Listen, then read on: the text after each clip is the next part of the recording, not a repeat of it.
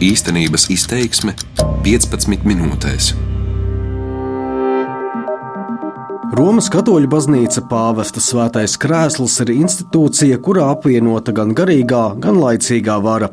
Tās ietekme transformējusies gadsimtu gaitā, un mūsdienās pāvesta teiktajā joprojām ieklausās simtiem miljonu cilvēku. Mani sauc Gins Amoliņš, un es skaidroju, kāda tad ir pāvesta loma pasaules politikā, cik liela un kāda ir svētā krēsla diplomātiskā ietekme, kādi ir šīs diplomātijas mērķi un ko no tiem varētu sagaidīt pāvesta Frančiska. Franciska vizītes laikā Baltijas valstīs. Žurnāls Forbes ik gadu publicē pasaulē ietekmīgāko cilvēku sarakstu, un pēdējos gados starp tiem alaž bijis arī Romas katoļu baznīcas pāvests. Šī gada Forbes sarakstā pāvests Francisks ierindots kā sastā ietekmīgākā persona pasaulē, uzreiz aiz Ķīnas, Krievijas, ASV, Vācijas līderiem un Amazon dibinātāja Džefa Beizosa. Te nozīme ir skaitļiem. Saskaņā ar Vatikāna aplēsēm pasaulē ir aptuveni 1,3 miljārdi katoļu, aptuveni tikpat, cik Ķīnas iedzīvotāju skaits. Starptautiskajās attiecībās svētais krēsls arī ieņem īpašu vietu starp citām reliģiskajām grupām. Vatikāns ir valsts, un svētajam krēslam ir diplomātiskās attiecības ar gandrīz visām ANO dalību valstīm.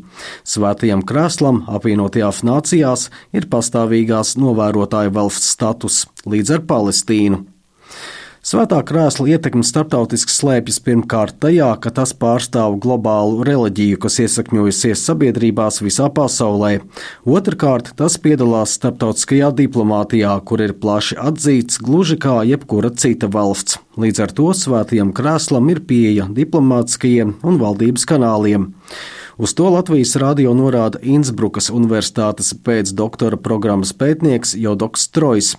Viņš padziļināti pētījis svētā krēsla un pāvesta lomu pasaules politikā. Viņa prāt svētā krēsla pieeja diplomātijai gadsimtu gaitā nav ļoti mainījusies.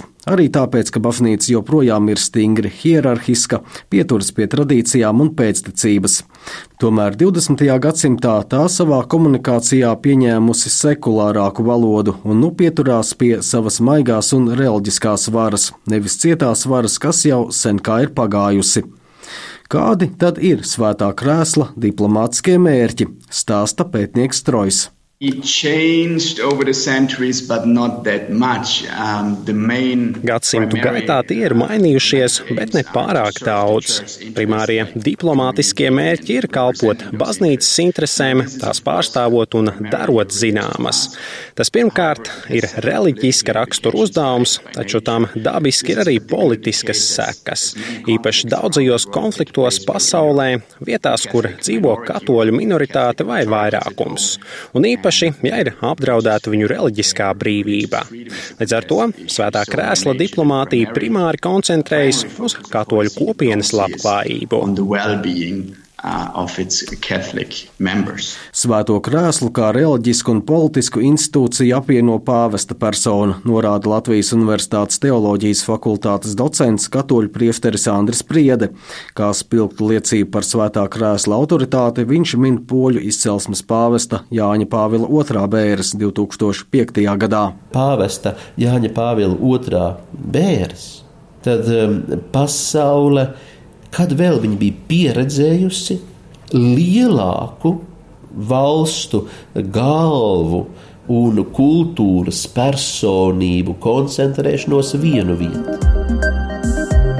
Mūsdienu vēsturē svētais krēsls lielākā vai mazākā mērā bijis iesaistīts vairāku krīžu risināšanā, kā viens no nesenākajiem piemēriem katoļticīgajā Latvijā. Mēģinājumi būt starpniekam miera sarunās Venecuēlas politiskās krīzes risināšanai.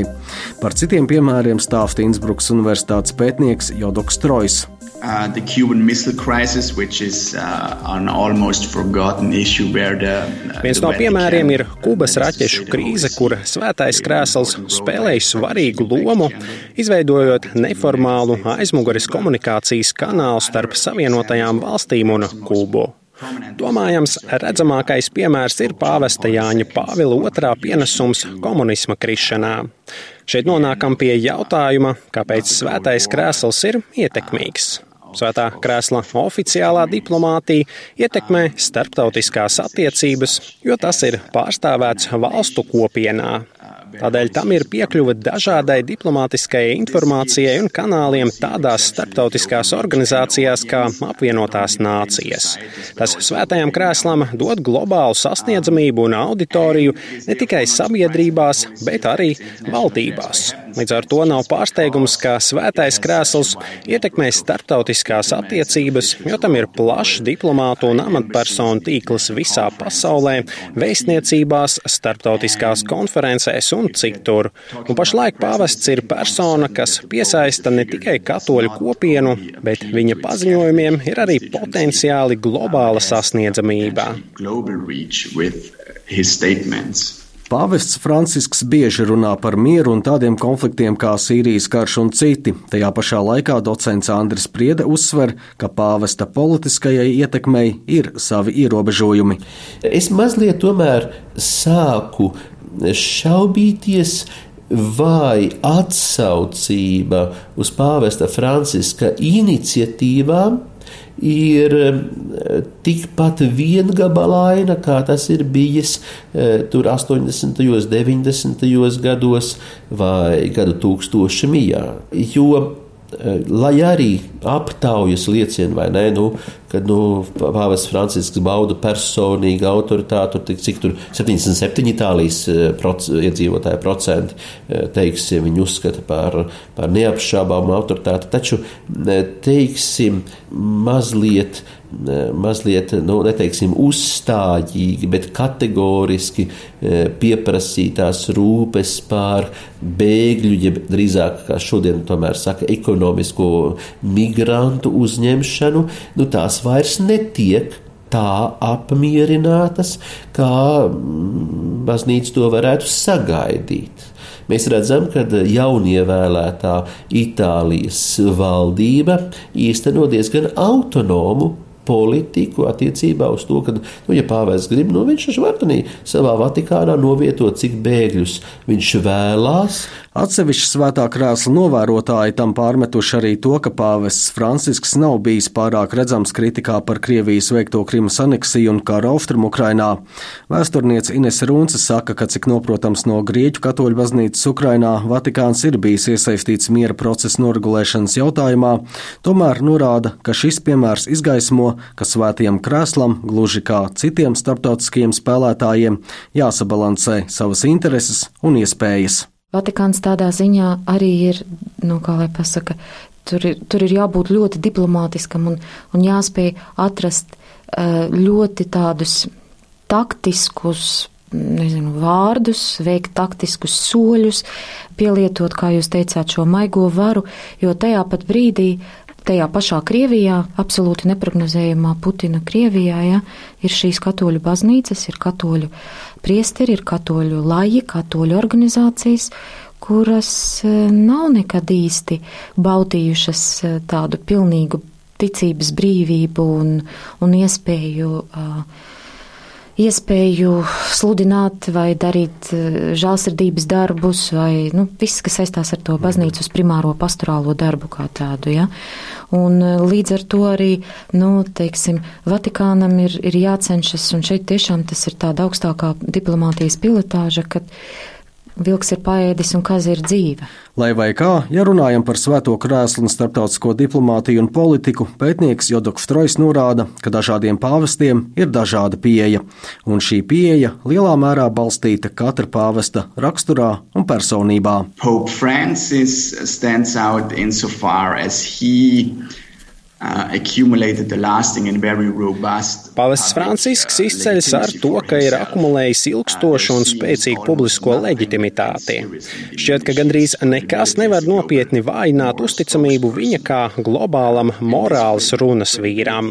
Tas saistīts gan ar viņa personību, gan izcelsmi no globālajiem dienvidiem. Viņš simbolizē ļoti atšķirīgu pieeju pāvesta amatam, salīdzinot ar viņa priekšteci Benediktu. Franciskam arī nepatīk būt ideoloģiski pieslietam jeb kādam pasaules varas strāvojuma, vai tie ir rietumi vai austrumi. Personības faktoru svētā krēsla diplomātiskajos vēstījumos un ietekmē izceļ arī Latvijas Universitātes docents Priesters Andris Priede. Polijas gadījums ir atkal eh, tāds eh, interesants ar Vojtīlas eh, temperamentu. Mēs šeit, Latvijā, uz poļiem skatāmies tomēr kā uz dienvidniekiem. Itāļi uz viņiem skatās kā uz Ziemeļa Eiropu. Mūsu kardināls Jānis Pujāts atcerās, Eh, tikšanos vēl Pāvila VI laikā Vatikāna kuluāros ar šo poļu kardinālu, kurš eh, tagad Latvijas delegācijai eh, skaidru un gaišu uzdod jautājumu, pujāt vārdi. Nu, jūs taču vēl cerat uz savu Baltijas valstu brīvību? Bojāts saka, Un mēs palikām atbildi parādā. Mēs reiķinājāmies, nu, kas ir mūsu delegācijā, ka tas tāpat tiks atreferēts, un tāpēc mēs neko neatbildējām. Bet tātad Vojtīla vēl pirms ievēlēšanas par pāvestu uzdrošinās padomjas Savienības katoļu baznīcas delegācijai pateikt kaut ko tik provokatīvu. Tā kā salīdzinot Francisku un Vojtīlu, es varētu teikt, ka arī Vojtīla atļāvās radikāli izteikties par politiku. Eh, viņš līdzīgi kā Francisks atļāvās drosmīgus žestus, varbūt arī tāpēc Ratzingers bija piesardzīgāks, un Francisks atkal no jauna tās drosmīgas. Mēs to varētu teikt, ka um, Svētā krēsla vēsturē nemitīgi atkārtojas šādi spilgtāki un pēc tam atkal uh, diplomātiski samienieciskāki uh, pāvesti uz Svētā Pētera troņa vai pēdējos gados uzliesmojušie seksuālās uzmākšanās un pedofīlijas skandāli katoļu baznīcā grauj svētā krēsla ietekmi. Pētnieks Jodoks Trojs vērtē, ka tas atkarīgs kādā rakursā uz to skatās. Certainly undermines the Holy See's influence in parts of societies that are already skeptical of the church.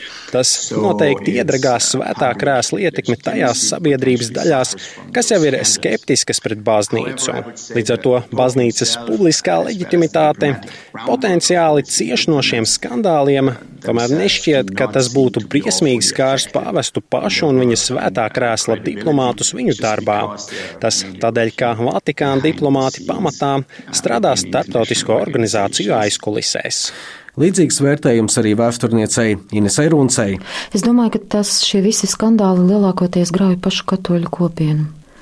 Es nedomāju, ka tas ļoti lielā mērā ietekmē diplomātiskos, um, Vatikāna diplomātiskos projektus tik daudz. Nu, visai bieži, protams, ka šiem pašiem uh, Vatikāna diplomātiem konkrētajā nacionālā valstī ir, nu, viņi arī ir daļa no šī visa skandāla procesa un krīzes, kas, kas ir, kur ir jārisina. Un pāvests, kā mēs redzam, ir krīžu pāvests. Viņam vienmēr ir jārisina krīzes. Jebkur, kur viņš ir, viņam vienmēr ir tas, kas ir jātiek galā ar, ar visu šo iepriekšējos, teiksim, mantojumu. Ņemot vērā, ka pāvesta personā apvienota gan Romas katoļu baznīcas reliģiskā, gan politiskā līderība, pāvesta vizītes bieži nes ne tikai garīgus, bet arī politiskus vēstījumus. Tādi piemēri jau bieži bijuši, norāda pētnieks Jodoks Trojs, pievēršoties arī pāvesta Franciska vizītei Baltijas valstīs. First, example, doubt, uh, Kad pāvests Francisks devās vizītē uz ASV, viņš vispirms piestāja Kubā, un šajā solī bez šaubām bija politisks vēstījums, proti, ka pāvests ir vairāk ieinteresēts vājajās valstīs nekā spēcīgās lielvarās. Bet lēmums apmeklēt konkrētas valstis arī ir atkarīgs no tā, cik ļoti tās aicina uz vizīti. Runājot par Baltijas valstīm, šī ir 25. gadsimta kopš Jāņa Pāvila otrā vizītes, un tās kontekstā tiek sekots tradīcijai, ka baznīca īpaši 20. gadsimtā tādā vai citādā veidā bijusi iesaistīta vairākās atbrīvošanas kustībās visā pasaulē. Tādēļ šajā braucienā potenciāli var būt kāds politisks vēstījums, taču pagaidām nav acīm redzams. Šī pirmkārt ir pastorālā vizīte, tomēr pāvests Francisks sliedz atklāti teikt, ko domā, un tas vizītei varētu piedot arī politisku noskaņu. into a political one. Ko Baltijas valstīs teiks pāvests Francisks un kādu vēstījumu viņš vēlēsies nodot gan Baltijas valstīm kopumā, gan katrai atsevišķi, to jau drīz uzzināsim. Ņemot vērā svētā krēsla un pāvesta īpašo lomu starptautiskajās attiecībās un globālu ietekmi, viņa vizītei un teiktajam šeit uzmanīgi sekos arī pārējā pasaule. Bet vai un kādu ietekmi tas atstās to starp politiski, tas jau būs cits jautājums. Mani sauc Gins Amoliņš, un šī bija mana reportāža par svētā krēsla vēsla lomu, ietekmi starptautiskajās attiecībās un diplomātiskajiem mērķiem. Par skaņu rūpējās Kaspars Groskops.